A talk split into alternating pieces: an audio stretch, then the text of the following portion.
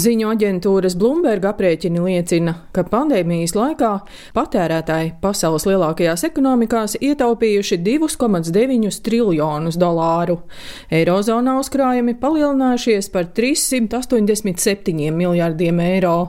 Latvijas Universitātes biznesa vadības un ekonomikas fakultātes profesors Jānis Priede skaidro, ka iedzīvotāju noguldījumu pieaugums ir Covid pandēmijas sekas. Visās attīstītajās ekonomikās ir vērojama līdzīga tendence. Gan arī 3 triljoni dolāri ir uzkrāti papildus tikai pandēmijas laikā. Tādas ierastās lietas, kas saistītas ar izklaidi vai turismu, kas ir tradicionāli bijušas diezgan liela daļa no izdevumiem. Šī daļa šobrīd ir iepauzēta, un tas nozīmē, ka cilvēkiem, kam pandēmijas laikā joprojām ir ienākumi, uzkrājumi veidojās gandrīz vai dabiski. Un otrs iemesls, galvenais neziņa un bažas par nākotni, ir dabisks iemesls, kāpēc mēs veidojam uzkrājumus.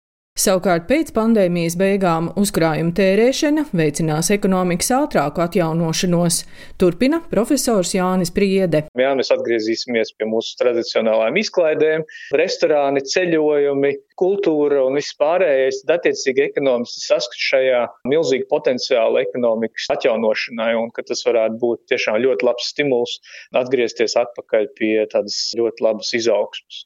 Bet nu, tajā pašā laikā, protams, ir katru reizi laikam jau jāatgādina par to vispār uzkrāšanas kultūru, jo ne šī pirmā krīze, ne pēdējā, un attiecīgi, kad kādi notikumi jau iestājās, un tikai tad domāt par uzkrājumiem jau ir mazliet par vēlu, tā ka kaut kāda uzkrāšanas kultūra ir jātīst. Latvijas bankas dati liecina, ka 2020. gadā Latvijas mājasaimniecību noguldījumu bankās, tā skaitā atlikumi kontos, palielinājušies par 1%, gada laikā pieaugot par 1 miljārdu eiro.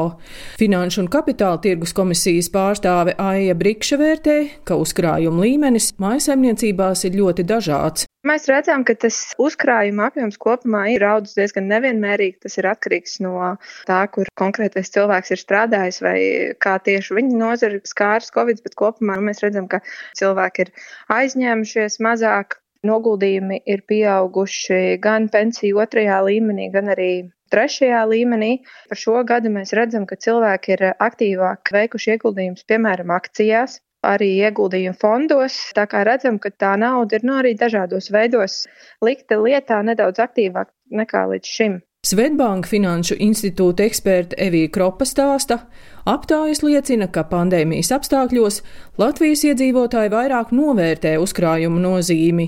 Svetbanka finanšu IQ tests liecina, 9 no 10 aptaujātajiem krāja naudu vismaz vienam mērķim, tomēr pietrūkst finanšu ilgtermiņa plānošanas paši iedzīvotāji min, ka tā galvenā motivācija ir vēlme justies drošāk, un tieši ar uzkrājumiem to var panākt. Bet kas iztrūks, ir atbilstoša rīcība. Ļoti daudz atrunas, kā plānoju savas finanses.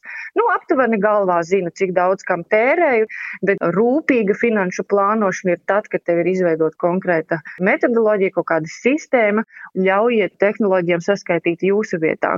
Šos izdevumus saskaitīs un pat kategorizēs bankas piedāvātais budžeta plānotājs. Arī tad veidot kaut kādas Excel tabulas un arī pēc kaut kādiem konkrētiem jau šabloniem mēnesis no mēneša jau tā krasi varbūt arī nemaz neatšķirās kaut kādas lielākās izdevuma pozīcijas, kas jāpieliek klāt. Finanšu kapitāla tirgus komisijas pārstāve Aija Brikše atgādina uzkrājuma veidošanas pamatprincipus. Pirmais - jāveido tā saucamais drošības spilvens 3 līdz 6 mēnešu algu apmērā. Pēc tam var domāt, kur naudu ieguldīt ja, teiksim, nauda būs salīdzinoši drīz eh, nepieciešama, tad tādas piesardzīgākas stratēģijas mēs ieskam izvēlēties. Bet, ja mēs redzam, ka nauda, piemēram, plānots ieguldīt savā tādā finanšu ilgtspējā vecumdienās, tad var domāt par pensiju trešo līmeni dzīvības apdrošināšanu, vai, piemēram, arī akcijām. Tas katram ir jāpieņem izjūt no tā, kāda viņam ir tie finanšu mērķi, un tad izjūt no tā, mēs ieteiktu arī meklēt profesionāļā palīdzību. Un, ja iedzīvotājs ir nolēms, ka varētu izmantot kādus ieguldījumu pakalpojumus, tad noteikti aicinam pirms tam prasīt padomu vai nu savā bankā, vai licencētā ieguldījuma brokeru sabiedrībā, tad arī palīdzēt pieņemt šo labāko lēmumu.